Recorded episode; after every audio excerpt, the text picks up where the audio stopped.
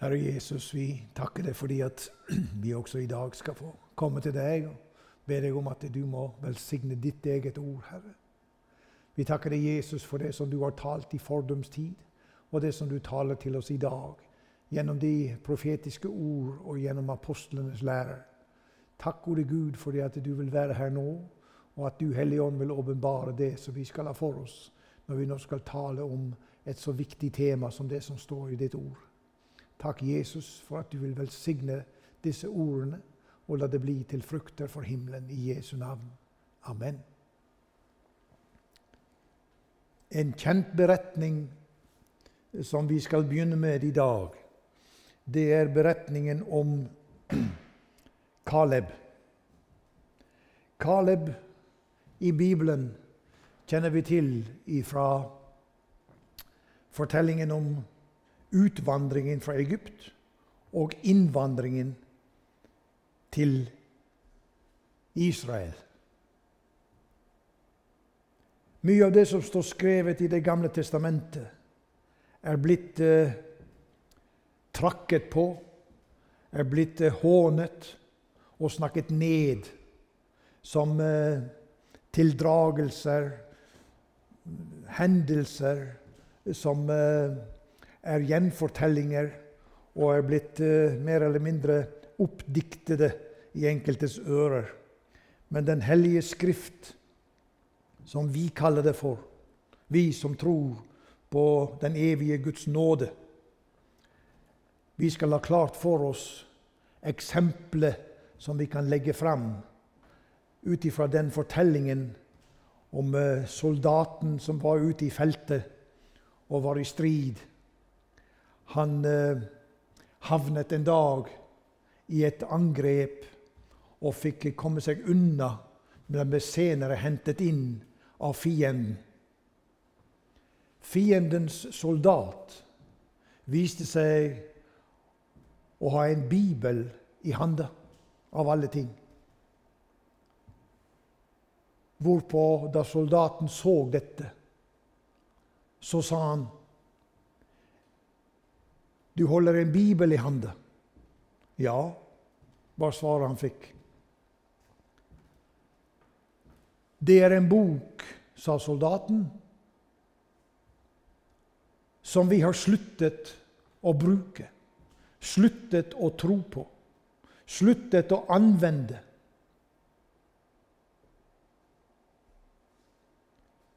Hvorpå soldaten ifra den andre sida svarte enkelt. Var det ikke for at vi hadde fått dette Guds ord til oss og fikk lære om det som står i denne boka, så hadde du blitt spist nå.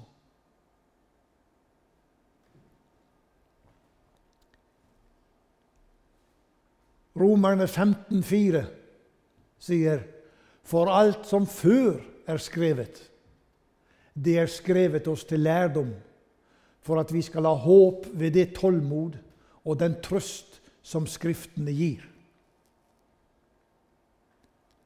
Kalebs tro har vi satt som overskrift på denne sammenkomsten. Kaleb, Jefunnes sønn, han var kenitt. Han hadde vært med ifra barnsben av og sett på noe av de største undre som noen gang har skjedd på denne jord. Blant annet da Gud Herren lot en vind åpne havet for israelsfolket, så de kunne komme over. Og sjøen sto som en vegg på hver side av den åpnede vei som Gud skapte for sitt folk igjennom havet. Da dette var et faktum, og de var kommet opp og nærmet seg nå når de skulle gå inn over Jordan og inn i Israel, så er det at vi, vi som kjenner historien, vi vet at Moses han kalte sammen tolv menn og sendte de til Kanan for å utspeide landet. Deriblant to av de var Josva og Kaleb. Og disse de kom tilbake med beviser. De bar med seg av landets frukter. Fjerde Mosebok 13, 27 forteller oss vi kom til det landet du sendte oss til. Det flyter virkelig med melk og honning, og her er dets frukt. Når vi har troens ånd, kan Gud hjelpe oss til å beseire en tilsynelatende uoverkommelig overmakt. Folket som hadde vært med inn i dette lovede landet, de eh, kom tilbake og hadde gjort en erfaring denne turen. Men de var livredde. Og det står i 4. Mosebok 13, 32-33. De talte ille blant Israels barn om det land de hadde utspeidet, og sa:" Det land vi dro gjennom for å utspeide det, er et land som fortærer sine innbyggere. Og alle de vi så der, var høyvoksne folk. Der så vi kjempe, kjempene, Anaks barn av kjempeetten. Og mot dem var vi i våre egne øyne som gresshopper. Og det syntes også de at vi var. Israel hadde tidligere hørt Hør da, Israel! Og vi leser fra 5. Mosebok 6,4. Legg vind på å leve etter mitt ord. Da skal det gå deg vel. Dere skal bli tallrike, slik som Herren, dine fedres Gud, har lovet deg, i et land som flyter med melk og honning. Speiderne, ti av de tolv, de tegnet et bilde fra krigen hvor det befinner seg falne kropper, i helstukne, liggende på slagmarken, med all den turbulens som der kunne være. Redselen spredte seg for at dette skulle være noe som Guds folk skulle måtte ta i affære med dersom de gikk inn over grensa til det lovede land. Men midt i denne flokken som sagt, var det to annerledes tenkende menn. Josva og Kaleb.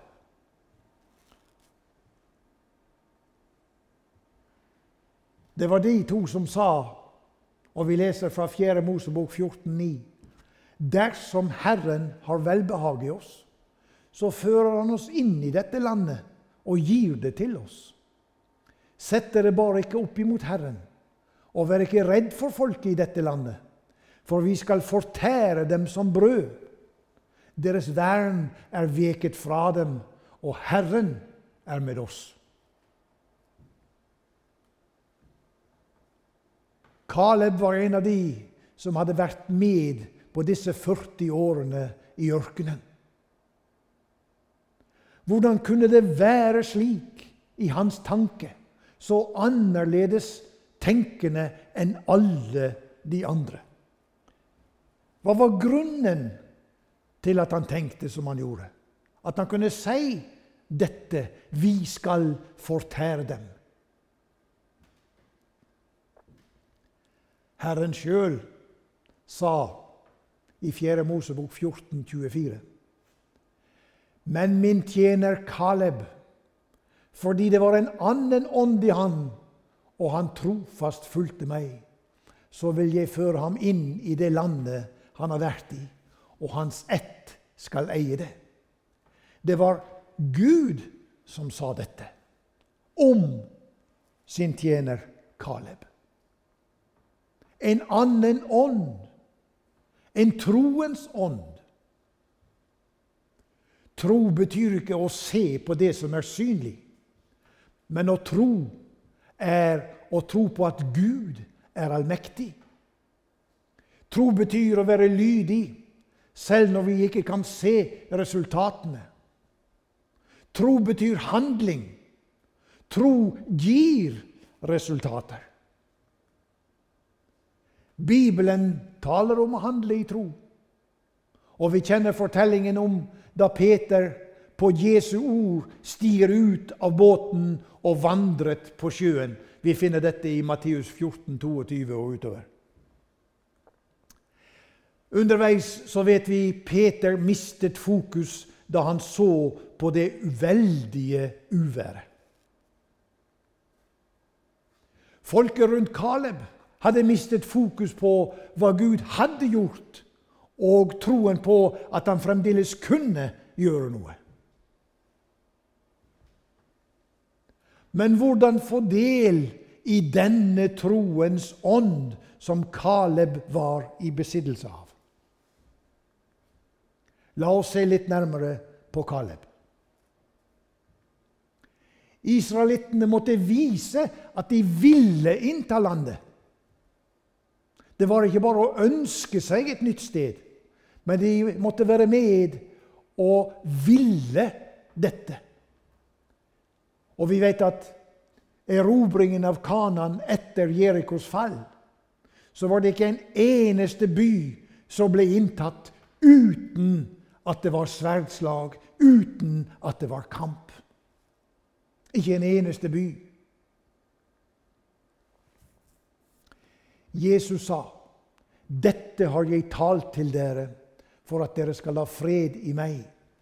I verden har dere trengsel, men vær frimodige. Jeg har overvunnet verden. Slik sa han det i Johannes 16, 33. Hva hadde Kaleb opplevd som gjorde at frimodigheten var slik for ham? Og hvordan hadde han fått del i denne slags tro som Gud setter så frem i denne teksten?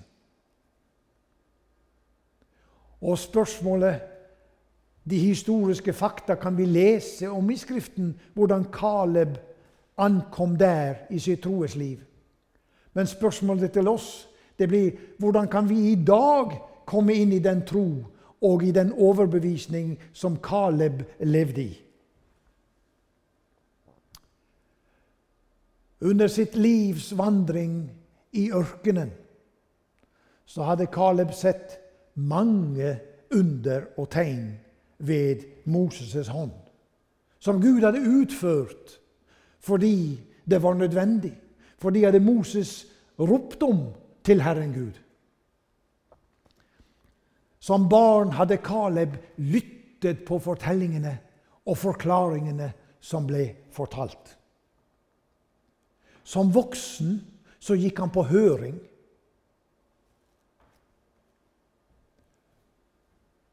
Romerne 10, 14 sier Hvorledes kan de da påkalle den som de ikke tror på? Og hvorledes kan de tro der de ikke har hørt?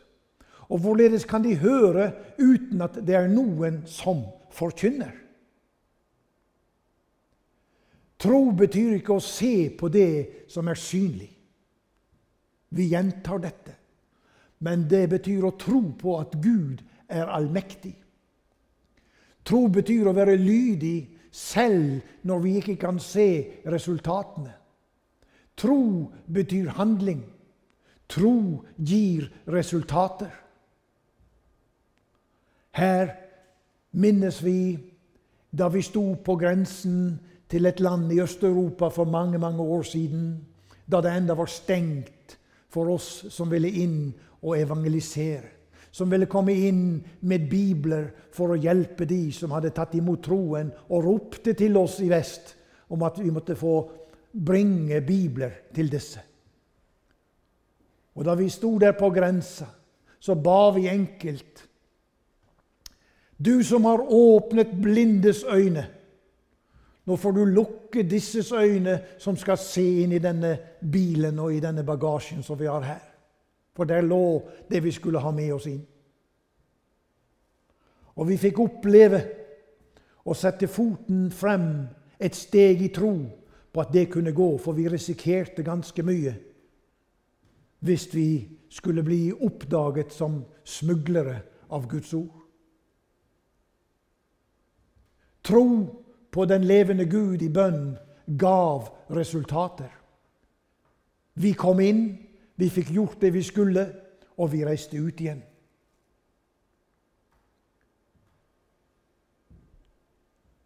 En ung kvinne, født i 1857, Emilie Thorup, dansk av fødsel.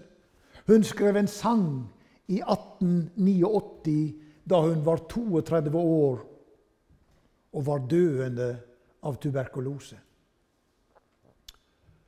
Hun skrev denne sangen Å tro, det er å legge seg ned ved korsets fot, og begge hender strekke den Herre Krist imot. Å tro, det er å slippe sin egen herlighet og fly til nådens klippe, til Jesu kjærlighet. Å tro, det er å tage sin frelser fast i hånd og vandre alle dager veiledet av Hans ånd. Kaleb levde under forkynnelse. Han levde under påminnelse av det som hadde vært. Og han levde i beskuelse av det som Gud gjorde i hans nåtid. Han levde under forkynnelse. Og vi tenker på kristenheten i vårt land. Caleb hadde ingen butikk å løpe til når han ble tørst og trengte vann. Det var ingen slakterbutikk i nærheten. Det var ingen matbutikk. Det var ikke noe Nav. Det var ingen bank der. Det var kun ørken. Kun ørken. Og her, i dette golde ørkenlandskapet, under dagens hete, så lyttet Kalib til det som eh, de gamle fortalte. Han lyttet til forkynnelsen, og han lærte gjennom å lytte og tro, for han fikk se det som var i sammenhengen. Det var ingen lettvint eh, vei til denne type tro. For Kaleb den gang, for oss i dag. Det var Herren alene som førte ham, og ingen fremmed Gud var med ham. Står det i 5. Mosebok 32, 12. Herren alene som førte ham. Og ingen fremmed Gud var med ham. Er det beskrivende for min og din situasjon? Et ørkenliv kan beskrives slik at det er et liv i tørke. At det er ugjestmildt. Det finnes ingen komfort og det fremkaller tørste og sult. Og til sist desperasjon.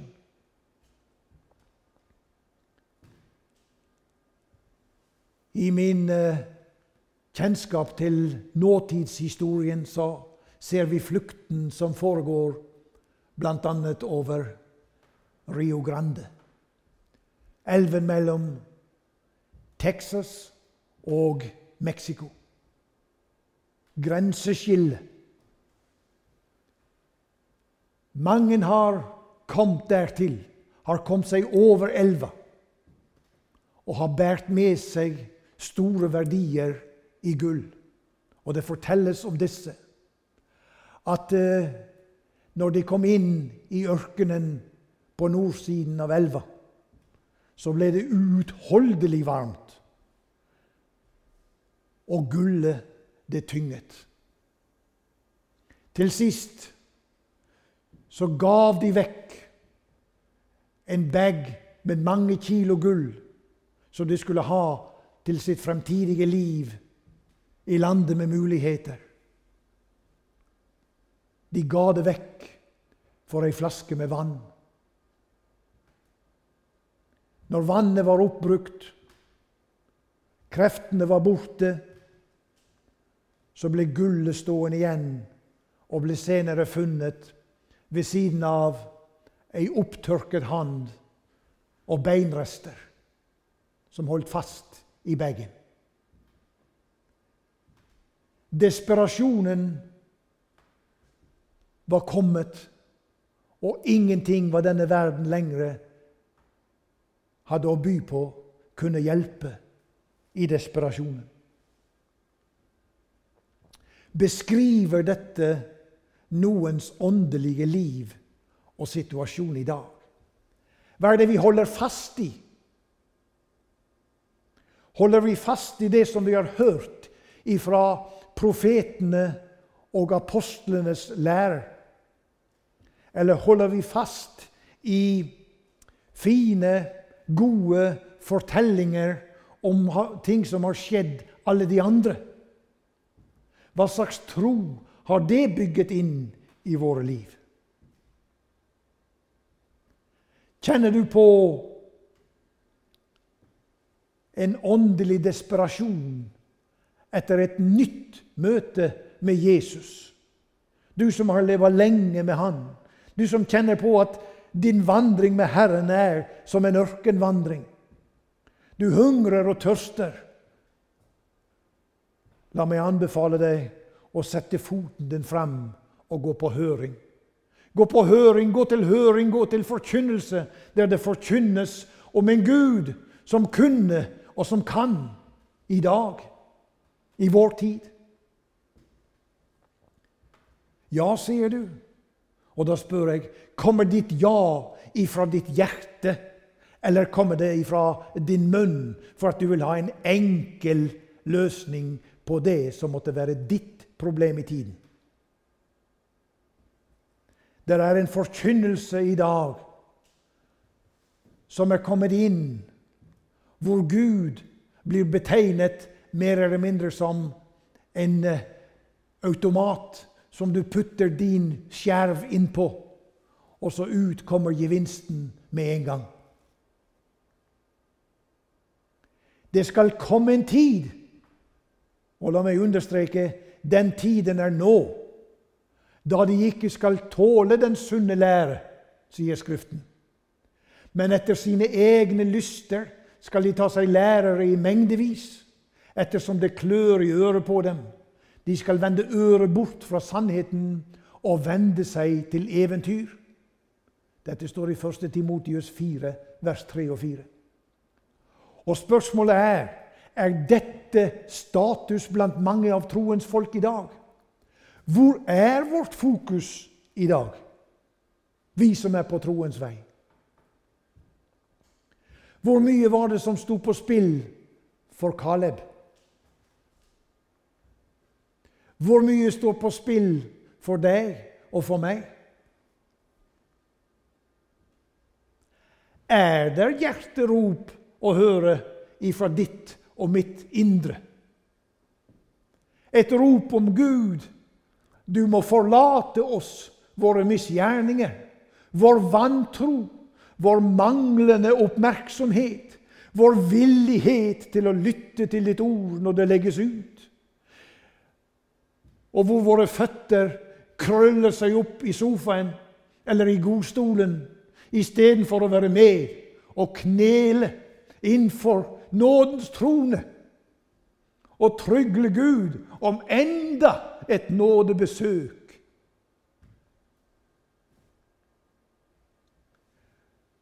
Kjære venner. Løsningen for å komme inn i den type tro som Kaleb hadde, går via hengivenhet på kneveien. Når ditt og mitt indre lyder som følger Jesus alene skal sist etter striden føre meg inn i den himmelske hav. Glemt er all trengsel og nøye i tiden. Salig jeg hviler i Frelserens favn. Er dette en sannhet for deg, du som hører? Slik det var for Kaleb i ørkenen. Hør, du som er en kjempende, troende Jesu venn. Du som har satset alt på at Jesus kom for å føre deg gjennom striden her. Tenk når de skinnende porter åpnes for bruden en gang. Tenk når vår Frelser oss favner, hjemme blant englenes sang. Da lever vi ikke lenger i tro. Da lever vi for evig i beskuelse av Ham som førte oss hele veien til himmelen. Da skal jeg ham selv få skue, bakom stjernehimmelens prakt, der hvor åsyn møter åsyn. Se ham i hans kongedrakt. Evige Gud, vi takker deg fordi at du møter oss gjennom disse ordene som vi her har fremmet i ditt hellige navn. Ta du til sides, Herre, alt det som kom fra meg, og la ditt ord lyde i de som hører på, så at ditt ord igjen kan få feste og makt i den troendes liv, evige Gud. Takk for din omsorg. Takk for at du enda taler i Jesu navn. Amen.